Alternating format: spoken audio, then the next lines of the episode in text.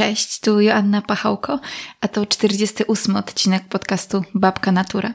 Po raz pierwszy od prawie dwóch lat odcinek solowy. Dawno nie nagrywałam sama, już chyba nawet nie pamiętam jak to jest, ale bardzo chciałabym trochę dzisiaj do Was pogadać, bo nazbierało mi się sporo inspiracji, którymi chcę się z Wami podzielić. Ja sama raz na jakiś czas lubię wysłuchać właśnie takie inspiracyjne odcinki. Na przykład Karolina Sobańska robi takie podsumowanie miesiąca u siebie, które też bardzo często słucham, więc mam nadzieję, że Wy także spędzicie dzisiaj miło ze mną czas. A okazja jest zacna, bo chcę Wam przedstawić 23 naturalne inspiracje na 2023 rok. Opowiem o książkach, filmach i podcastach związanych z naturą, a na koniec wrzucę kilka poleceń dotyczących podróży po Podlasiu. Więc jeżeli jeden z weekendów chcielibyście zaplanować właśnie w moich stronach, może będą to dla Was ciekawe wskazówki. Wszystkie polecenia znajdziecie w opisie podcastu, więc nie musicie na bieżąco notować. Jeśli coś przykuje Waszą uwagę, po wysłuchaniu odcinka zerknijcie do opisu, postaram się dodać w nim tytuły, linki i jakieś podstawowe informacje o rzeczach, o których będę mówić. W opisie znajdziecie też link do serwisu Buy Coffee To. To taka platforma, za pomocą której możecie wesprzeć twórcę, stawiając mu wirtualną kawę za 5, 10 albo 15 zł e, lub w innej wybranej przez Was kwocie. Nie trzeba się rejestrować, więc jeżeli chcecie, to będzie mi bardzo miło i bardzo za takie wsparcie dziękuję. No i cóż, zapraszam do słuchania. E, naprawdę bardzo, bardzo cieszę się na ten odcinek, także chodźcie i posłuchajcie. A jeżeli będziecie chcieli jeszcze pogadać o tych rzeczach, o których będę Wam opowiadać, pamiętajcie, że znajdziecie mnie zawsze na Instagramie i na Facebooku jako Babka Natura.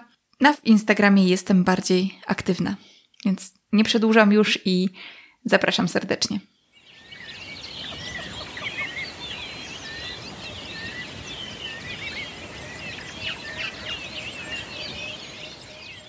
Zacznę od książek bo książki towarzyszyły mi w ostatnich miesiącach bardzo, bardzo, z czego też bardzo się cieszę. Ja zazwyczaj jestem dość mocno zarobiona, pracuję na etacie, tworzę podcast, próbuję to jakoś łączyć z życiem prywatnym i książki zawsze niestety schodziły na dalszy plan. W ostatnich miesiącach, ze względu na ciążę i na to, że miałam po prostu więcej czasu, bo w pewnym momencie przestałam pracować na etacie, bo już też fizycznie nie wyrabiałam, miałam więcej czasu na przemyślenia, na książki, na czytanie i dzięki temu nazbierało mi się trochę inspiracji, którymi chciałabym się z Wami podzielić. W ogóle strasznie się cieszę, bo oprócz tych książek, o których Wam opowiadam, które są ściśle związane z naturą, bo taka jest tematyka podcastu, udało mi się też przeczytać inne książki, co jest dużym sukcesem. Na przykład wróciłam do Wiedźmina, którego czytałam mając 17 lat i to było bardzo ciekawe doświadczenie, kiedy teraz prawie po 13 latach wracam do książki z jakąś bardziej otwartą głową, e, z większą ilością wiedzy na różne tematy światowe i nie tylko. I to było bardzo, bardzo fajne czytać Wiedźmina. Bardzo chciałam to zrobić, chciałam do niego wrócić, więc tym bardziej się cieszę. Ale o Wiedźminie nie będę Wam dzisiaj opowiadać, chociaż mogłabym pewnie. E, opowiem Wam o książkach, które są związane stricte z naturą. I zacznę od książek o ptakach. W wakacje miałam przyjemność przeczytać aż trzy książki Jacka Karczewskiego, który jest pisarzem, jest też związany ze stowarzyszeniem Jestem na Ptak i który w taki sposób operuje słowem, w jaki ja bym chciała się naprawdę kiedyś nauczyć i jak ja chciałabym Wam opowiadać kiedyś o naturze. Jacek Karczewski specjalizuje się w ptakach i napisał trzy książki. Jej wysokość gęś, Noc sów i Zobacz ptaka. Wszystkie te książki są wydane przez wydawnictwo poznańskie i wszystkie te książki sprawiły, że ja zupełnie inaczej spojrzałam na ptaki. Ja nigdy jakoś nie przywiązywałam specjalnie wagi do tych latających stworzeń. Wydawało mi się takie mało ciekawe. Raczej powielałam te mity o tym, że ptaki nie są zbyt mądre, może oprócz kruków. Nie do końca rozumiałam ich fenomen. I teraz też nie jest tak, że jakoś jestem ogromną fanką ptaków, natomiast rozumiem je dużo lepiej. Rozumiem ich miejsce też w kulturze, rozumiem ich miejsce na świecie. Ale co najważniejsze, stało się to dzięki książkom Jacka Karczewskiego, dlatego że Jacek w taki sposób pisze o ptakach i w taki sposób o nich opowiada, że to przemawia do wyobraźni i to przemawia do umysłów. Bo nie sztuką jest napisać książkę o ptakach w sposób taki bardzo naukowy, w sposób bardzo w sposób operujący takimi suchymi faktami. Na przykład ten osobnik waży od 30 do 40 gramów i najczęściej spotykany jest w centrach miast. To jest dosyć nudne i tego się nie chce czytać i nie chce się o tym myśleć. Natomiast Jacek Karczewski ma tak malowniczy język, że obok jego książek trudno przejść obojętnie. Mam teraz przed sobą książkę Jestem na ptak e, i tutaj na przykład jest opinia Doroty Sumińskiej, która pisze w taki sposób. Za co kocham Jacka Karczewskiego? Za ptaki. Za to, że pisze o nich jak o pełnoprawnych obywatelach świata. Za dowcip i literacki talent, z jakim to robi. I wreszcie za ogromną oraz rzetelną wiedzę o naszych starszych, skrzydlatych braciach. Jacek też w swoich książkach bardzo często odnosi się do mitów, do kultury, osadzając tak naprawdę ptaki w jakimś takim naszym, w takiej naszej społecznej świadomości. Chociażby tutaj mam fragment o śpiewaku, o droździe śpiewaku. Mamy drugi akapit tego rozdziału i drugi akapit zaczyna się tak. Zaczęło się od obyczajowego skandalu na greckim Olimpie. Otóż Tereus, wnuk samego Zeusa, najpierw uwiódł Filomenę, młodziutką siostrę swej żony Proknę, a potem obciął jej język, żeby nie mogła o tym nikomu powiedzieć. No i później zaczyna się historia o ptakach. I teraz po kolei. Numer jeden. Jej wysokość gęś. To jest pierwsza książka napisana przez Jacka, taka najbardziej różnorodna. Opowiada o największej liczbie gatunków ptaków. Mi chyba też najbliższa sercu, bo to właśnie od tej książki zaczęłam i ona mi jakoś otworzyła oczy na to, jakie są ptaki, jaką mają psychikę, jak tworzą relacje społeczne. Więc to jest taka książka dla wszystkich, którzy chcieliby po prostu te ptaki zrozumieć i jakoś bardziej świadomie do nich podejść. Druga książka, Noc Sów, dotyczy już stricte sów. Dla mnie też była bardzo ciekawa, bo sowa jako taki bardzo zakorzeniony element kultury, mówiło się, że to jest jakiś diabelski ptak. Bardzo mnie to ciekawiło, w jaki sposób Jacek opisze sowy, jak one teraz zmieniają swoje postrzeganie, jak my teraz właściwie ludzie zmieniamy postrzeganie tych słów. I to jest taka książka, gdzie też są opisywane już poszczególne gatunki słów. Ja to przeczytałam, chociaż też nie wyobrażam sobie, żebym teraz umiała rozróżnić te 14 gatunków słów, które zostały opisanych, ale dało mi to bardzo dużo takiego wglądu w to, jakie są sowy, obalenia kilku mitów o sowach na przykład, o ich słuchu, o ich wzroku, o tym, jak polują i tak dalej, i tak dalej. No i właśnie trzecia książka, Zobacz ptaka, tak, z której teraz przytoczyłam cytat. To jest taka książka, kompendium wiedzy o ptakach. Ona ma bardzo dokładne ilustracje, bardzo dokładne opisy ptaków i ja ją czytam w taki sposób, że czytam sobie po jednym rozdziale, po jednym ptaku i tak sobie przyswajam informacje o tych ptakach. I to raczej nie jest taka książka, żeby ją przeczytać na raz, bo nic nie zapamiętamy i tak nie będziemy potrafili rozpoznawać ptaków, ale jeżeli czytamy po jednym rozdziale, myślimy o tym ptaku, potem szukamy go gdzieś na przykład w naszym ogródku albo gdzieś w parku, to mam wrażenie, że ona dużo bardziej może się nam w umysłach osadzić. Ja z Jackiem w ogóle rozmawiałam też o jego książkach. E, to był 43 odcinek podcastu, więc jeżeli jesteście ciekawi, to bardzo serdecznie Was zapraszam do wysłuchania tego odcinka. Ja też bardzo wspominam miło całe nagrywanie tej rozmowy. Spotkaliśmy się z Jackiem na festiwalu Patrząc na Wschód w Budzie Ruskiej na Suwalszczyźnie. To był sierpień. Było ciepło, słonecznie, bardzo sielsko-sielankowo. Usiedliśmy sobie w takim drewnianym domu przy drewnianym stole i Jacek opowiadał o tym, jakie są ptaki, o tym, że ptaki kiedyś zanosiły nasze dusze ludzkie do raju, o tym, że ptaki i anioły mają skrzydła właśnie dlatego, że te anioły kojarzyły nam się z ptakami, albo ptaki z aniołami, właśnie z jakimiś boskimi istotami, że kiedyś świat powstał z pradawnej pragęsi. I te wszystkie opowieści Jacka, jego takim bardzo głębokim, spokojnym głosem, zachowane są właśnie w tym 43 odcinku podcastu, do którego bardzo, bardzo serdecznie Was zapraszam. To już były trzy numerki z 23 inspiracji, o których chciałabym Wam dzisiaj opowiedzieć. A numer cztery to jest książka Anny Maziuk, Instynkt o wilkach w polskich lasach. Z Anną Maziuk zresztą też rozmawiałam w podcaście. To było w styczniu 2021 i rozmawiałam właśnie o tej książce.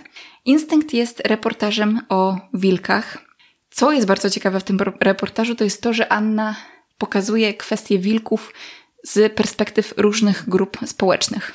Są tam wypowiedzi myśliwych, wypowiedzi naukowców, wypowiedzi hodowców e, bydła na przykład. Pokazuje, jak to jest złożona kwestia, jakie to jest trudne, jak różne grupy społeczne mają różne postrzeganie wilka e, w świecie i tego, czy na przykład zabijać wilki, czy nie zabijać wilków, na ile pozwolić im się rozmnażać. Bardzo, bardzo otwierający oczy reportaż, e, wydany w wydawnictwie czarnym. I jeśli chcielibyście dodatkowo pogłębić ten temat, to zapraszam też do wysłuchania właśnie odcinka z Anną Maziuk. My tam także rozmawiamy o kwestii tego, jak wilk postrzegany jest kulturowo, dlaczego my się tak bardzo boimy tych wilków, mimo że to są jedne z takich bardziej też płochliwych zwierząt. Raczej bardzo trudno jest spotkać wilka w lesie. Wbrew temu, co się mówi i wbrew temu, co opowiadali nam nasi dziadkowie na przykład, że wilki atakowały kiedyś zimą wozy, raczej tak nie było. Choć nie wykluczam, bo też um, pewnie wszędzie jest ziarno prawdy. Natomiast bardzo, bardzo trzeba byłoby się postarać, żeby wilk zaatakował nas w lesie, i to jest ciekawe, jak Anna o tym opowiada, że te przekazy medialne, że wilk na przykład rozszarpał jakąś biedną owcę albo psa, ile w nich jest prawdy, ile w nich jest winy wilka, a ile człowieka. Różne tutaj są skomplikowane kwestie, także polecam Wam też książkę Instynkt o wilkach w polskich lasach Anny Maziuk. Przechodzimy teraz do trochę innych tematów. Nie zwierzęcych, a śmieciowych. Opowiem Wam o książce Nie śmieci. To jest książka, którą napisała Julia Wizowska też zresztą gościni mojego podcastu, ale nie jest tak, że zapraszam wszystkich autorów, których czytam, chociaż e, bardzo często zdarza się, że czytam jakąś książkę i tak mnie zaciekawi, że mam wielką ochotę pogadać potem z autorem o tym, jak on ją pisał, jakie ma przemyślenia, co chciałby jeszcze tutaj dodać. Julia jest osobą o wielu talentach, bo e, kiedyś była dziennikarką, była reporterką wojenną, później właśnie zajęła się kwestią recyklingu, segregacji, założyła bloga na nowo śmieci, później właśnie napisała tę książkę Nie śmieci. Teraz Julia zrobiła trochę zwrot w, swoim, w swojej działalności internetowej, zajmuje się bardziej naturoterapią, aromaterapią, ziołolecznictwem. O tym też gadałyśmy w podcaście, powiem Wam o tym za chwilkę. Natomiast jej książka Nie śmieci, wydana w self-publishingu, i to już parę ładnych lat temu, bo wydaje mi się, że e, ona ujrzała światło dzienne w 2019 roku, najbardziej głośno było o niej w 2020 roku, a ja przeczytałam ją dopiero w 2022 roku.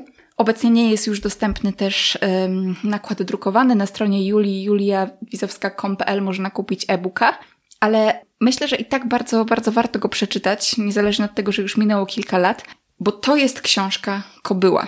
To jest połączenie reportażu i poradnika. Julia zrobiła ogromną reporterską rzecz i zaraz Wam przeczytam, jak ona sama o tym pisze. Przez dwa lata jeździłam po Polsce i przyglądałam się temu, co dzieje się z zawartością naszych domowych koszy. Odwiedzałam sortownie, instalacje przetwarzania odpadów i recyklingu. Byłam w kompostowni, dokąd trafiają kuchenne resztki. W zakładzie odzyskującym używane ubrania z kontenerów papierni, która przetwarza kartony po mleku i soku, w spalarni, gdzie jedyne, czym mogą przysłużyć się wyrzucone przedmioty, jest ich energia, na czynnym składowisku, gdzie odpady przed śmiercią wydają jeszcze ostatnie tchnienie. Rozmawiałam z ekspertami i osobami od lat zajmującymi się tym, co dla innych stanowi temat tabu. Wiele zobaczyłam, sporo się dowiedziałam. Z przyjemnością dzielę się tym z Tobą na stronach tej publikacji. I właśnie o tym jest ta książka. To jest takie połączenie reportażu i poradnika. Julia z jednej strony pokazuje, jak wyglądają te realia, dokąd trafiają śmieci nasze segregowane. Z drugiej strony też mówi o tym, jak je mądrze segregować, jak je przetwarzać. Nie wiem, na ile to się zmieniło przez te trzy lata. Wydaje mi się, że nie aż tak bardzo, bo to są ogromne maszyny, ogromne całe miejsca, gdzie te śmieci się przetwarza, więc to chyba się nie zmieniło aż tak bardzo w Polsce. I dobrze jest wiedzieć, z jakimi też dylematami z jakimi problemami mierzą się osoby pracujące właśnie gdzieś, czy w spalarniach, czy właśnie w zakładach przetwarzania różnych odpadów. Julia o to pytała, Julia to widziała i Julia to opisała, także bardzo serdecznie zachęcam Was do przeczytania książki Nie śmieci. A jeśli chodzi o mój podcast z Julką, to było to tak, że Julia właśnie chciała się już trochę odciąć od rozmów o recyklingu, o segregacji. Czuła, że już powiedziała tam właściwie wszystko, co mogła powiedzieć, a ja do niej napisałam właśnie w tym momencie przejścia, kiedy, kiedy Julia była tuż przed otworzeniem swojej nowej strony, przed nowym krokiem w, w swojej działalności, czyli właśnie naturoterapii, ziołolecznictwa, aromaterapii. Julia w 2020 mm, rozpoczęła studia podyplomowe związane z naturoterapią i właśnie o tym sobie gadałyśmy. Mm, to jest 46 odcinek mojego podcastu. Rozmawiałyśmy właśnie o tych kwestiach naturalnych, ale też dużo mówiłyśmy o zmianie, o tym, jak te zmiany w tym, czym zajmuje się Julia, postrzegają jej odbiorcy, jak postrzega to rodzina, Czy to było dla nich kontrowersyjne, czy nie? Jak to jest przejść z takiego bardzo racjonalnego, wręcz męskiego czasami tematu śmieci i recyklingu do bardziej miękkiego tematu naturoterapii.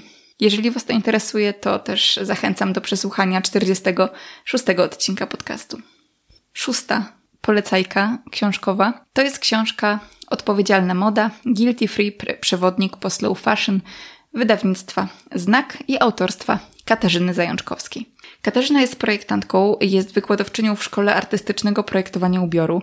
Przez kilkanaście lat tworzyła kolekcje dla czołowych marek odzieżowych w Polsce, ale teraz skupia się najbardziej na takim edukowaniu o zrównoważonym rozwoju i rozwiązaniach wokół mody cyrkularnej. Ja Katarzynę no nie osobiście, ale poznałam poprzez jej podcast Odpowiedzialna Moda, o którym też jeszcze będę mówić. I kupiłam książkę trochę z ciekawości, trochę dlatego, żeby podziękować Katarzynie za to wszystko, co, co robi i, i, i jak duży ma wkład w to, żeby edukować właśnie o modzie cyrkularnej, o naturalnych materiałach, o tym, jak bardzo branża fast fashion niszczy środowisko, niszczy przyrodę, jak bardzo jest odpowiedzialna też za katastrofę klimatyczną. Książka Katarzyny jest podzielona na dwie części. Pierwsza to jest e, część świat fast fashion. I tutaj Katarzyna bardzo dokładnie opisuje właśnie realia przemysłu modowego i to, jak dużo emisji on generuje, jak bardzo drenuje też na przykład różne społeczeństwa, ile tam jest różnych trudnych kwestii naprawdę do, do rozpracowania. No i jakby druga, ta bardziej poradnikowa, ty slow fashion, czyli w, w jaki sposób my możemy działać bardziej slow fashion, nie nabierać się na marketing marek fast fashion i jak w tym odnaleźć jakiś zdrowy balans. Pierwsza część tej książki jest trudna, to znaczy czyta się ją łatwo, ale ma bardzo trudne liczby, bardzo dające do myślenia, mówiące o tym, jaki to jest ogromny, wielki przemysł.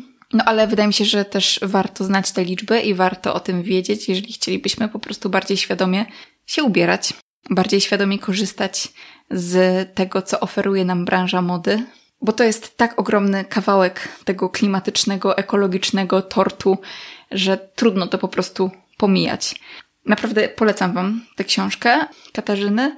Dla mnie ta część bardziej poradnikowa była e, już jakby mniej odkrywcza, bo ja już od dłuższego czasu staram się nosić naturalne materiały, staram się nie kupować kompulsywnie i tak dalej, i tak dalej, ale też każdy pewnie odnajdzie tutaj dla siebie różne wskazówki, które warto byłoby wdrożyć do własnego życia. I tak na sam koniec chciałabym Wam jeszcze podrzucić jeden cytat Katarzyny. Cała książka nie jest taka jak ten cytat, ona jest bardziej taka osadzona w faktach i mniej ma takich wzruszających e, momentów, ale ten cytat bardzo, bardzo mi zapadł w pamięć, więc chciałabym go tutaj przytoczyć. Katarzyna pisze tak. Gdzie zgubiliśmy mądrość pierwszych narodów, które wyśpiewywały ziemi pieśni, dziękując za jej dary? Kiedy uwierzyliśmy, że nie jesteśmy częścią natury, ale mamy ją na własność? I z tym pytaniem chciałabym Was zostawić. Zostawić go na chwilę, bo teraz chcę Wam opowiedzieć o kolejnej książce. Mówiłam, że książek będzie dzisiaj sporo, ponad 10. Książka numer 7 to jest książka też twórczyni internetowej Sylwii Panek, znanej w internecie jako Mama Chemik. Jeżeli jeszcze Sylwii nie obserwujecie, to bardzo polecam to zrobić, bo tyle wiedzy na temat ekologicznego sprzątania, na temat zapachów, mm, barwników, różnych sposobów na to, jak się nie truć we własnym domu, to ja nigdzie indziej nie znalazłam jak u Sylwii. I Sylwia napisała książkę Zdrowy dom, sprzątanie, w której tę całą wiedzę zbiera, że tak powiem, do kupy i gdzie opisuje też bardzo wiele różnych wątków właśnie. Obalając pewne mity związane ze sprzątaniem. My jesteśmy przyzwyczajeni do tego, że zalewamy nasze toalety litrami domestosu, że wszędzie unosi się taki charakterystyczny zapach sprzątania. To jest też marketing. Ten zapach sprzątania to jest coś, do czego my przywykliśmy, bo kojarzy nam się z tym, że w domu jest czysto. A pytanie, czy nie lepiej, żeby zapachem sprzątania był na przykład zapach octu? Pytanie, czy nie lepiej byłoby sprzątać sodą oczyszczoną? Sylwia jest chemiczką, więc Sylwia też zna się na tym, w jaki sposób łączyć różne substancje i mówi o tym wprost, jak tego mądrze używać, żeby się po pierwsze nie zniechęcić, a po drugie, żeby doczyszczać to wszystko w taki sposób, w jaki byśmy chcieli.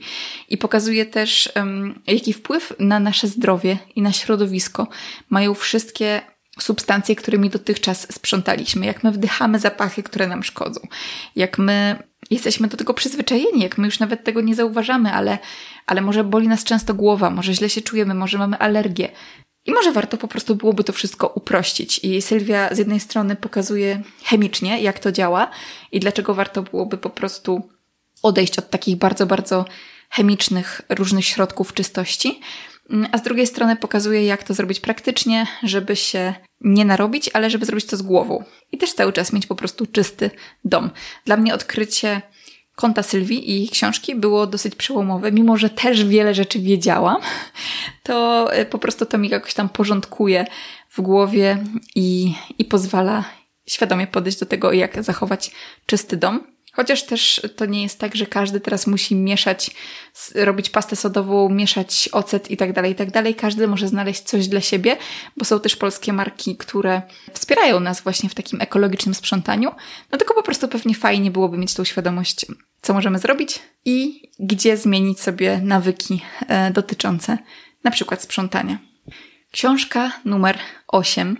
Znowu trochę zmieniamy temat. Książka wydawnictwa Paśny Buriat, która nazywa się tak Puszcza Knyszyńska, opowieści o lesunach, zwierzętach i królewskim lesie, a także o tajemnicach w głębi lasu skrywanych. Autorstwa Pawła Średzińskiego.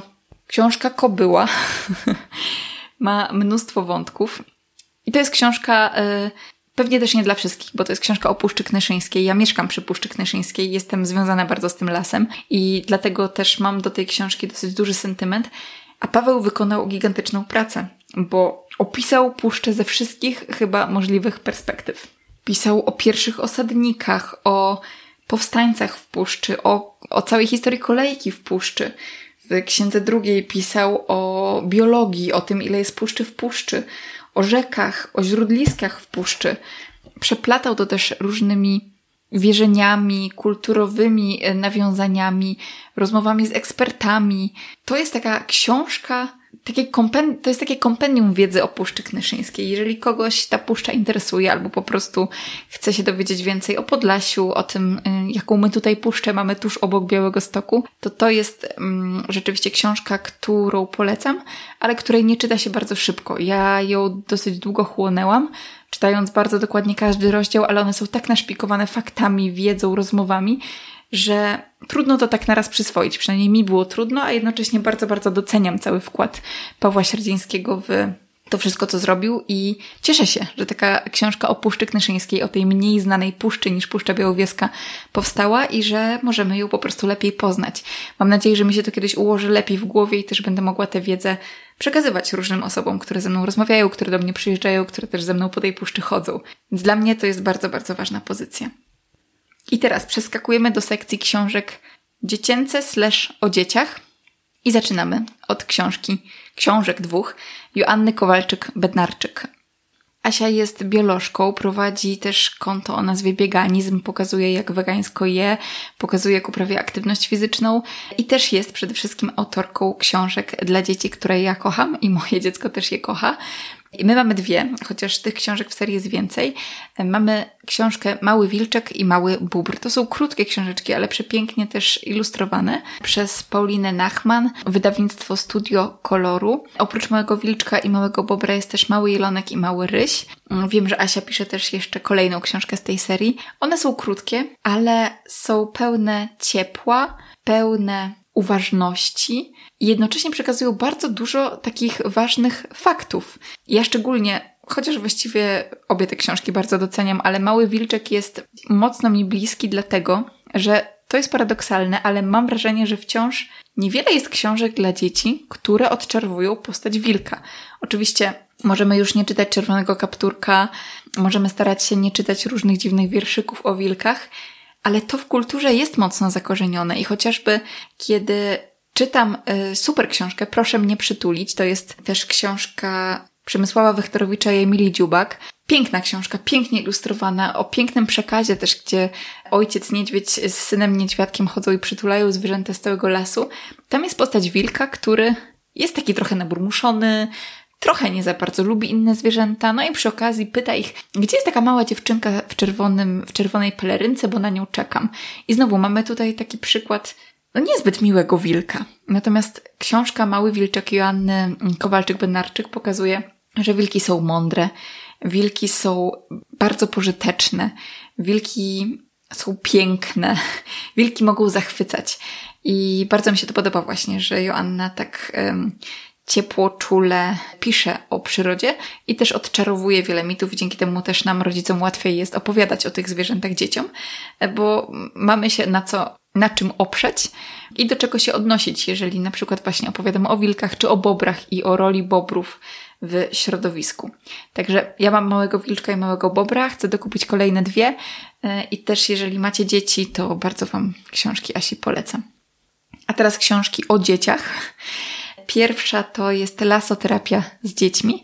Książka autorstwa Doroty Zaniewskiej i Agaty Preuss o tym, jak wychowywać dzieci blisko natury. To jest książka wydawnictwa Dragon.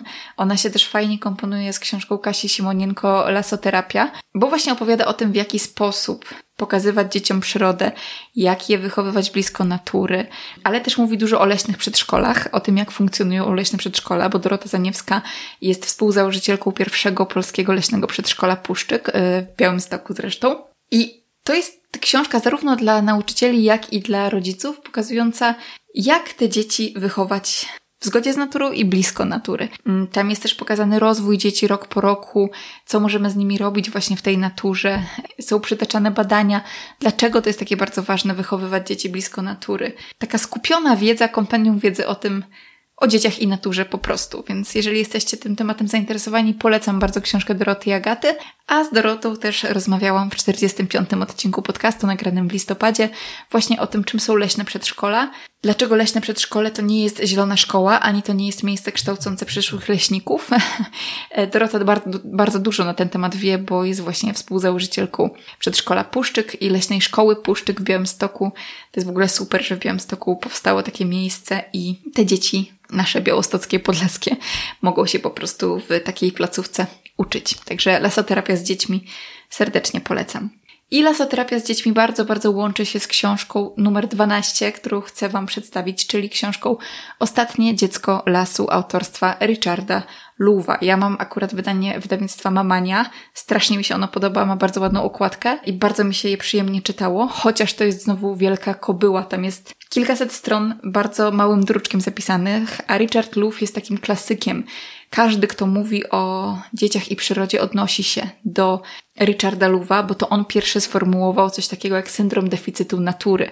Powiedział, dlaczego dzieci muszą wychowywać się blisko natury, co im to robi, jeśli tego nie robią. Pierwsze wydanie tej książki było w ogóle w 2005 roku, więc wydaje się, że bardzo dawno temu, a jednak okazuje się, że mnóstwo kwestii tam jest cały czas aktualnych. I to jest też trochę pokazywane na takiej, na społeczności amerykańskiej, ale mam też wrażenie, że to wszystko bardzo dobrze można przełożyć na e, naszą dzisiejszą Polskę, nasz dzisiejszy świat. I to znów nie jest książka, którą przeczytamy w jeden wieczór, ale to jest książka, która pomoże nam ułożyć w głowie to, czego my chcielibyśmy od życia, jak chcielibyśmy wychowywać dzieci, czy na pewno tak, jak oferuje to dzisiejszy świat, a jeśli nie, to jak to zmienić. Richard Luff napisał też wiele różnych innych książek, do których też chciałabym sięgnąć w przyszłości, ale Ostatnie Dziecko Lasu jest czymś takim, do czego chyba warto sięgnąć na samym początku, żeby w ogóle zrozumieć, o co chodzi z tym syndromem deficytu natury i jak mu przeciwdziałać.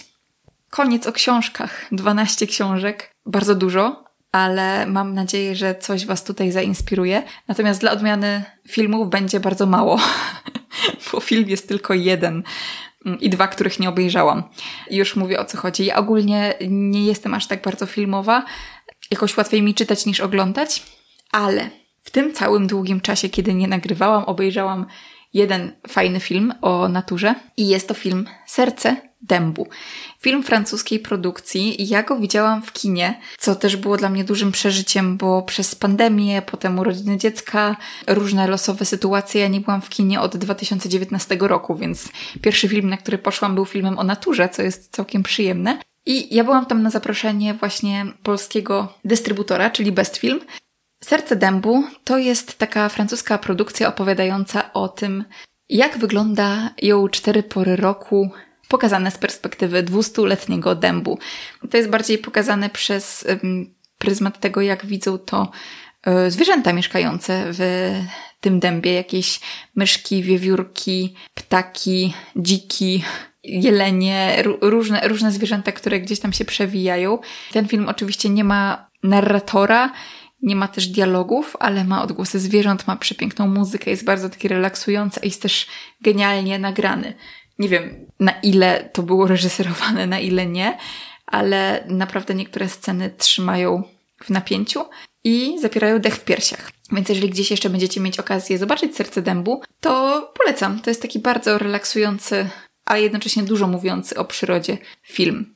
I ten film był też inspiracją do mojej rozmowy z Adamem Zbrytem, który jest przyrodnikiem, który jest biologiem, zoologiem. E, rozmawialiśmy w 44 odcinku podcastu właśnie o czterech porach roku w lesie. Jak ten las się zmienia e, i jak zwierzęta na to reagują. Adam jest świetnym ekspertem i po prostu opowiadał o tym, co możemy spotkać przez te cztery pory roku w lesie, na co zwracać uwagę, czy na przykład dokarmiać zwierzęta zimą, czy nie dokarmiać zwierząt, kiedy jest najlepszy czas na obserwowanie ptaków. Więc jeżeli chcecie bardziej świadomie przeżywać rok w lesie, to też bardzo zachęcam do wysłuchania rozmowy z Adamem, 44 odcinek podcastu. Oczywiście widziałam też Netflixowy hit 2021 roku chyba, czyli Nie patrz w górę o katastrofie klimatycznej, ale tak jakoś nie uwzględniam go w tym zestawieniu. Duże na mnie zrobił wrażenie, ale chyba nie aż takie, żeby się znaleźć tutaj w zestawieniu. Wiem, że też na Netflixie jest film Fantastic Fungi o grzybach i bardzo wiele osób się nim zachwyca. Ja mam takie poczucie, że temat grzybów jest w ogóle jeszcze przede mną. Ja go nie zgłębiałam, nic nie wiem o grzybach. Chętnie obejrzę ten dokument, e, ale jeszcze tego nie zrobiłam. No i film, którego nie obejrzałam, a który bardzo chciałam obejrzeć i miałam nadzieję, że Wam o nim opowiem, to jest właśnie film o Simonie. Ja, kiedy nagrywałam solowy podcast w maju 2021, mówiłam, że no, powstaje film o Simonie, bardzo ciekawy, jaki on będzie. I co ciekawe, powstał film o Simonie, ale inny niż ten, o którym mówiłam Wam wtedy. Ten film, o którym mówię teraz, to jest dokument w reżyserii Natalii Korynckiej-Grus. Ten dokument pokazuje różne nagrania z archiwum Simony, jej partnera Lecha Wilczka. Po raz pierwszy został pokazany właśnie na festiwalu Millennium Dogs, potem wszedł w ogóle do kin w całej Polsce. Ma świetne recenzje, mm, dostaje nagrody publiczności. Ja też bardzo lubię postać Simony, bardzo mnie ciekawi jej historia. I tak się złożyło, że go nie obejrzałam, mimo że był w kinach kiedy już miałam jakąś taką okazję, żeby to zrobić, zaczęłam wyszukiwać repertuar i okazało się, że już zszedł z repertuaru. Więc szkoda, jeżeli wy oglądaliście, to dajcie znać koniecznie, jak wam się podobało. Ja mam nadzieję, że po prostu uda mi się obejrzeć film o Simonie w najbliższym czasie. Może gdzieś się pojawi na jakiejś platformie streamingowej, a może wróci do kin, nie wiem, albo będzie przy okazji jakiś pokaz, na który będę mogła pójść. W każdym razie jestem go bardzo ciekawa. Jeśli go widzieliście, to dajcie znać, czy wam się podobał. I lecimy dalej. Kategoria podcasty. Mamy teraz numer 14. W tych 28 inspiracjach jesteśmy w połowie. Pierwszy podcast, o którym chciałabym Wam opowiedzieć, to jest podcast Naturalnie o ogrodach. Podcast Jacka Naliwajka, Katarzyny Bellingham o prowadzeniu naturalnego, ekologicznego ogrodu bez chemii, z poszanowaniem natury. Śmieszna historia z tym podcastem jest taka, że ja go słucham raz na jakiś czas z dużą przyjemnością i słabo wdrażam w życie te wskazówki. W ogóle ja i ogród to jest bardzo skomplikowana relacja. Mam duży ogród, mm, który jest naprawdę naturalnym ogrodem, bo nic tam nie robimy i praktycznie nic tam nie uprawiamy. W zeszłym roku miałam truskawki, które rzeczywiście pięknie rosły i z których miałam ogromną frajdę. Teraz posadziliśmy też już na wiosnę rokitnik, jakieś jagody kamczackie. E, chciałabym założyć wreszcie warzywnik i mieć tam przynajmniej jakieś podstawowe warzywa i zioła, a miałam też miętę w zeszłym roku, no tak. Ale ja mam tak z ogrodem, że mam wrażenie, że mój mózg ma jakąś blokadę. Chciałabym prowadzić ogród ekologiczny, właśnie taki bez chemii, naturalny, z poszanowaniem tej natury, która jest dookoła. I nie mogę przejść tego momentu, w którym ja się tego uczę. Są ludzie, którzy w ogóle mówią, że lubią się uczyć, lubią poznawać nowe rzeczy. Ja chyba nie bardzo, ja lubię już wiedzieć. lubię przejść ten, ten moment, kiedy się uczę i lubię wiedzieć i mieć jakąś taką podstawową wiedzę, od której łatwiej mi się jest potem odbijać. Natomiast ten moment, żeby się nauczyć, zrozumieć, jak działają te grządki, w ogóle co to jest ściółkowanie, jak to grabić, czy nie grabić, dla mnie to jest jakieś turbo trudne. Albo było przynajmniej turbo trudne w tym roku. Mam nadzieję, że może teraz wiosną coś mi się w mózgu odblokuje i będę mogła więcej się uczyć o ogrodach. E, na pewno podcast e, Jacka i Katarzyny bardzo pomaga, bo oni bardzo szeroko opisują różne kwestie związane z prowadzeniem naturalnego, ekologicznego ogrodu i mam wrażenie, że jak ja już przebrnę przez ten pierwszy moment, to później będę słuchać tego z dużo większą uważnością i dużo większym zrozumieniem. Także życzcie mi tego, żeby mi się to udało, bo naprawdę, naprawdę chciałabym bardziej o ten ogródek zadbać i z większą świadomością po prostu go pielęgnować. A jeżeli Wy już macie swoje ogrody, czy, czy, czy macie jakieś warzywa gdzieś, to, e, to polecam podcast Naturalnie o ogrodach. Tam jest mnóstwo wiedzy, naprawdę mnóstwo wiedzy. Kolejny podcast, numer 15, to jest podcast, który odkryłam niedawno i nazywa się Po co to eko? To jest podcast Marty Zwolińskiej, która porusza tematy ekologii e, i piszę o nich tak. Podcast Po co to eko to zapis moich poszukiwań i odkryć związanych z ekologią i klimatem. W rozmowach z praktyczkami, praktykami ze świata nauki czy środowisk aktywistycznych szukam odpowiedzi na pytanie, co możemy zrobić, by uczynić nasze miejsce życia lepszym. Ja tematów ekologicznych nie poruszam bardzo dużo w swoim podcaście, bo przeraża mnie trochę to, jak wiele jest tam trudnych wątków, politycznych często wątków, zależnych od różnych światopoglądów i bardzo też y, wspieram osoby, które czują się na siłach, żeby właśnie o takich rzeczach rozmawiać, bo to jest bardzo ważne, żeby o tym rozmawiać. Y, ja gdzieś tam zostaję w takiej swojej sferze komfortu i poruszam tylko to, co na pewno rozumiem. Mm, natomiast mam wrażenie, że ekologia to jest coś, czego nie umiem pojąć tak w stu procentach. Jakby żyję ekologicznie, w takim najprostszym tego słowa rozumieniu, natomiast takie osoby właśnie jak Marta prowadzące podcasty typu Po co to eko um, chciałabym bardzo wspierać, bo to jest bardzo ważne, żeby o tym rozmawiać i żeby rozmawiać o tym świadomie i mieć jakąś wiedzę też po stronie dziennikarza czy podcastera, żeby wiedzieć o co pytać swoich ekspertów. E, I na przykład polecam Wam tutaj odcinek 20, co po węglu. To jest odcinek z Pauliną Sobiesiak-Pęszko, która jest autorką badania nastrojów i opinii górników na temat tego, jak oni widzą tę perspektywę odejścia od węgla. Według mnie bardzo ciekawe. I pozostając w temacie takim ekologicznym, numer 16 to jest odcinek podcastu Pauliny Górskiej. Paulina prowadzi y, podcast Lepszy Klimat. Paulina jest edukatorką, dziennikarką. Y, na pewno ją gdzieś tam kojarzycie, bo Paulina bardzo prężnie działa w tych wszystkich ekologicznych tematach. Natomiast mnie e, szczególnie zainteresował właśnie odcinek e, o atomie, który wyszedł 14 grudnia. To jest rozmowa z Jakubem Wiechem, który jest dziennikarzem związanym z serwisem energetyka24.pl. I znowu, ja mam tak, że wiem, że trwa dyskusja na temat atomu, coś o niej wiem. Ja sama bym się chyba nie podjęła prowadzenia rozmowy o, o elektrowniach e, atomowych. I cieszę się, że robi to Paulina. I cieszę się, że też pokazuje różne perspektywy. Jakub, jej rozmówca, jest zwolennikiem atomu atomu i widzi w nim sens, natomiast też pokazuje plusy i minusy takiego rozwiązania, odnosi się też do OZE, do odnawialnych źródeł energii i dzięki temu mm, osoba, która jakby chciałaby się dowiedzieć tak ogólnie o co chodzi w energii z atomu, może sobie posłuchać właśnie tego odcinka podcastu Lepszy Klimat i zdobyć taką porządną wiedzę o tym, jakie są plusy, jakie są minusy, jakie są koszty, dlaczego tak, dlaczego inaczej i po prostu wyrobić sobie jakąś własną opinię na ten temat, a później po prostu zgłębiać temat dalej, jeżeli zechce. Także polecam bardzo. I numer 17 to jest podcast Odpowiedzialna Moda. Już e, wspominałam o Katarzynie Zajączkowskiej wcześniej przy okazji jej książki Odpowiedzialna Moda i teraz jeszcze chciałabym polecić podcast Kasi. Świetny to jest podcast. Kasia prowadzi zarówno rozmowy z różnymi ekspertami, ale też ma odcinki solowe. Ja bardzo właśnie cenię te odcinki solowe, bo Kasia często opowiada o materiałach naturalnych, pokazując wszystkie ich wymiary, właśnie bawełna, jeans, wełna, co jest ekologiczne, co nie jest ekologiczne, i jak to się ma do zrównoważonej mody, jak to się ma do środowiska, do wyzysku ludzi albo niewyzysku, do zwierząt i dobrostanu zwierząt. Katarzyna to wszystko wie, bo pracowała w tej branży bardzo długo. Dalej zresztą jest blisko tej branży. Fast fashion, tylko już z trochę innej perspektywy na nią patrzy. I dzięki temu może opowiadać właśnie, jak to realnie wygląda i co zrobić, żeby po prostu wybierać mniejsze zło, jeśli chodzi o naturalne materiały. I oczywiście edukuję też o wszystkich sztucznych czy syntetycznych materiałach, co też jest bardzo ważne, żeby wiedzieć, jak świadomie się ubierać. Więc bardzo polecam Wam podcast Katarzyny Zajączkowskiej Odpowiedzialna Moda. Ja oprócz tego słucham też dużo takich rozwojowych duchowych e, podcastów, ale e, tutaj nie będę o nich gadać, bo to jest raczej temat o naturze. E, jeżeli będziecie ciekawi, czego jeszcze słucham, no to piszcie do mnie też, może zrobię jakiś, nie wiem, Q&A, żeby Wam poopowiadać, chociaż trochę też już tego przemycam na Instagramie szczególnie, więc jeśli jesteście ciekawi, to zapraszam do obserwowania Instagrama.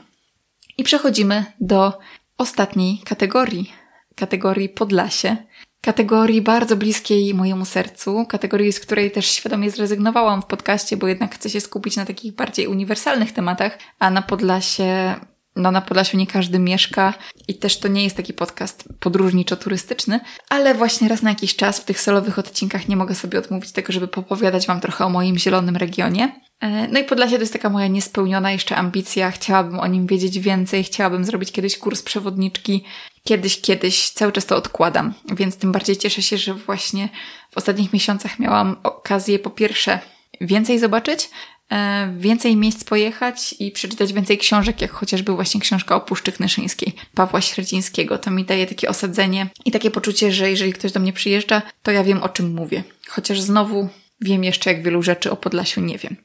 Ale jeżeli byście się wybierali e, na Podlasie, albo jeżeli mieszkacie na Podlasiu i chcecie bardziej eksplorować swój region, to opowiem Wam o kilku miejscach, w których ja byłam w ostatnim czasie i które są super. Zaczynamy od numeru 18. Rozlewisko Sianorządka.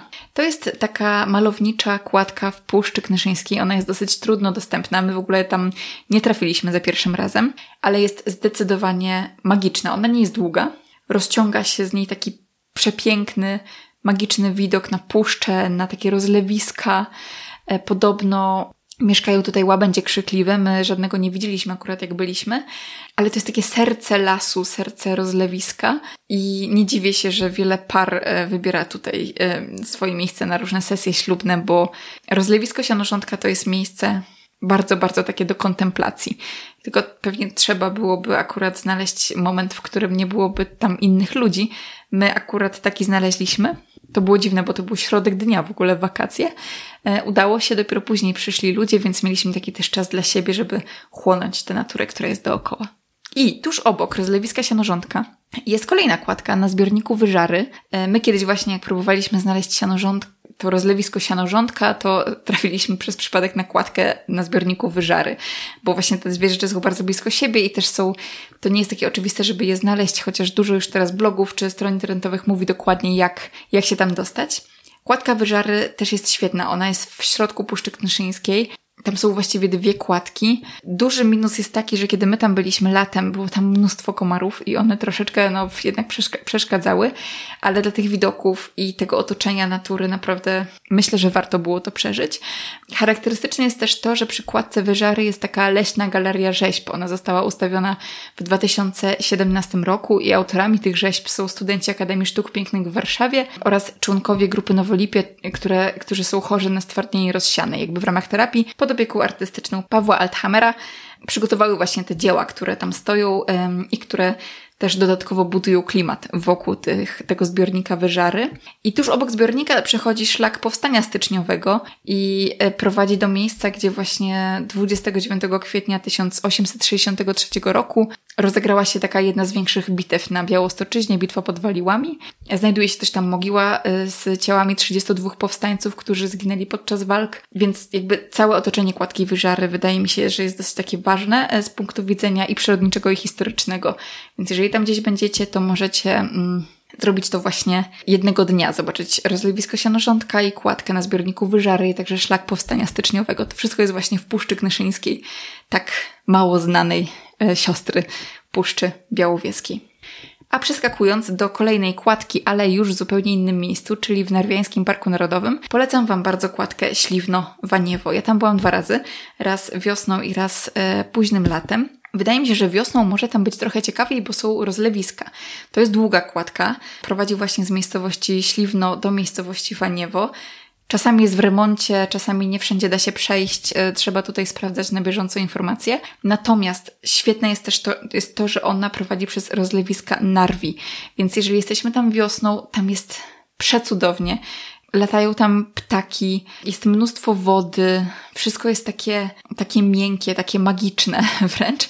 Natomiast latem jest trochę inaczej, bo jest więcej po prostu trawy i to jest bardziej zarośnięte. E, ale też, też bardzo się przyjemnie idzie po, po tej kładce. Mm, to jest jedna z takich bardziej obleganych kładek w Narwiańskim Parku Narodowym w ogóle na Podlasiu, więc też polecam tutaj wybrać się raczej rano, e, żeby nie trafić na duże tłumy, bo tak około 11-12 w dzień, na przykład w weekend już e, pojawia się naprawdę dużo ludzi. Ta kładka charakteryzuje się też tym, że ona ma kilka takich momentów, w których trzeba wejść na takie platformy, które się przesuwają i które trzeba przeciągnąć na linię przez rzekę.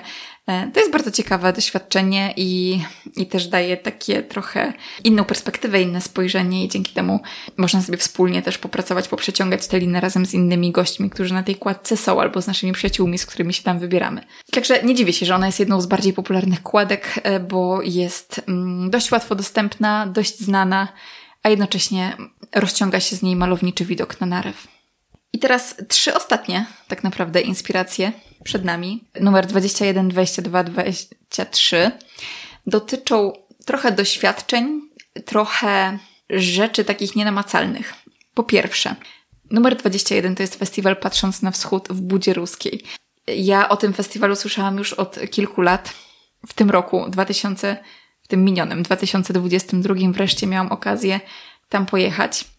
Festiwal dość już kultowy. Y, Buda Ruska jest na Suwalszczyźnie. Ja, y, tak jak Wam mówiłam już w poprzednim podcaście, jestem zakochana w Suwalszczyźnie i chciałabym tam naprawdę dużo częściej wracać, bo ilekroć tam jestem, to się zachwycam i tym zachwytom nie ma końca, także Suwalszczyznę też Wam bardzo, bardzo polecam. A ten festiwal, jakby pomysłodawcą tego festiwalu jest Piotr Malczewski, fotograf i podróżnik oraz Piotr Brysacz, dziennikarz i autor zbioru wywiadów Patrząc na wschód, przestrzeń, człowiek, mistycyzm, oni ten festiwal stworzyli, zapraszają tam różnych autorów książek, prowadzą różne dyskusje, panele, ale w ogóle cała okolica, cała Buda Ruska, to gdzie ten festiwal się odbywa, jest bardzo podlaskie, chociaż też takie suwalskie, bo to jest Suwalszczyzna, bardzo spokojne, bardzo slow.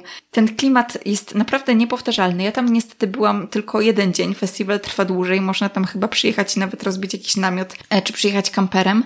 E, można pływać też w Czarnej Hańczy.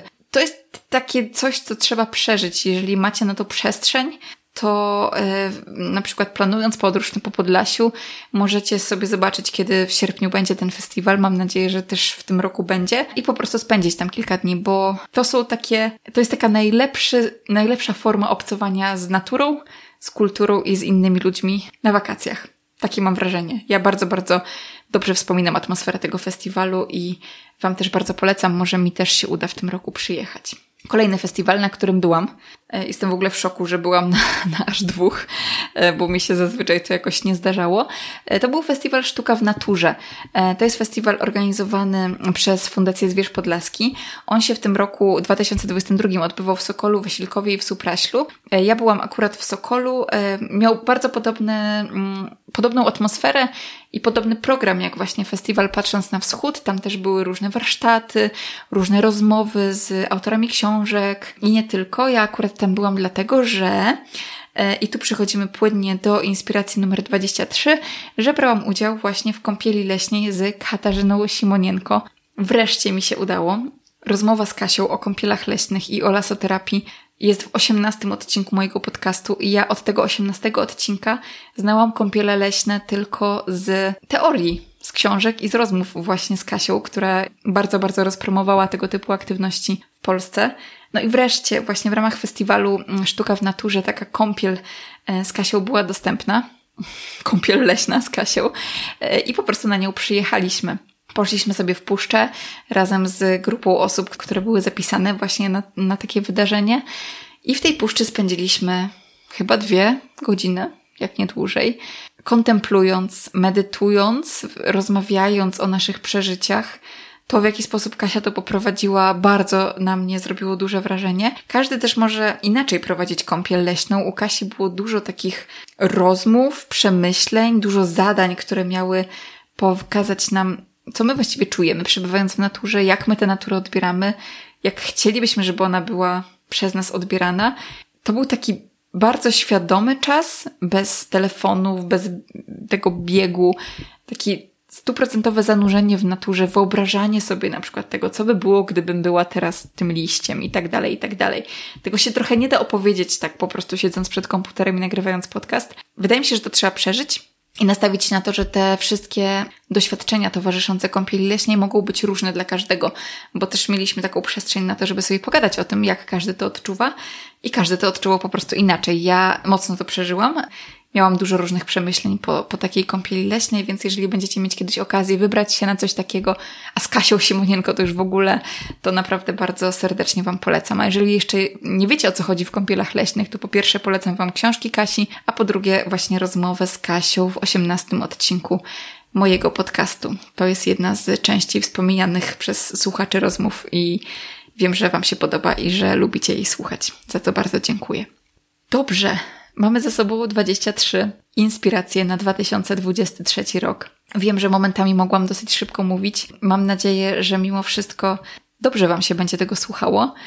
Ja miałam dużą frajdę ze zbierania tych informacji, z opowiadania Wam o tym.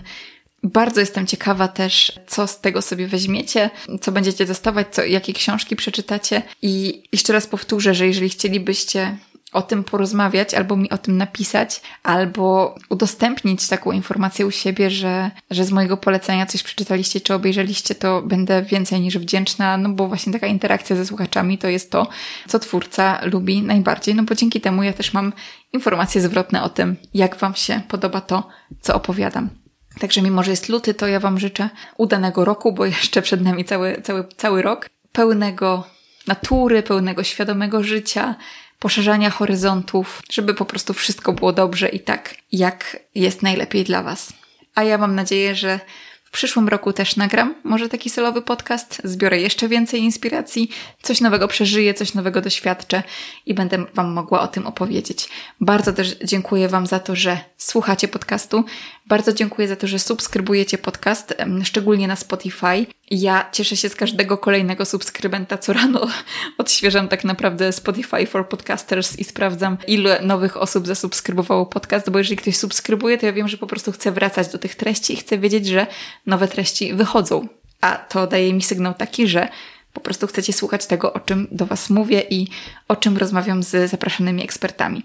Jeżeli też chcielibyście posłuchać o jakichś konkretnych tematach w tym roku, też jestem otwarta, możecie do mnie pisać, czy wolicie właśnie bardziej dziką przyrodę, czy bardziej ekologię, czy bardziej świadome życie, a może zdrowie, a może rośliny. Na wszystko jestem otwarta i sama też chętnie dowiaduję się różnych nowych rzeczy. Także jeszcze raz bardzo, bardzo Wam dziękuję. A jeszcze ostatnia rzecz, że y, możecie też ocenić podcast w Spotify. Jeżeli Wam się podoba to, o czym mówię, to w Spotify jest taka, takie miejsce na zostawienie kilku gwiazdek. Y, podobnie jest w Apple Podcasts y, i taka ocena też wpływa na widoczność podcastu i dzięki temu podcast chyba się wyświetla większej ilości osób. Dzięki temu ja też mogę docierać do nowych słuchaczy. Dziękuję bardzo. Bardzo mi było miło do Was gadać. Cieszę się, że spędziliśmy ze sobą razem ten czas i do usłyszenia w jakiś kolejny piątek.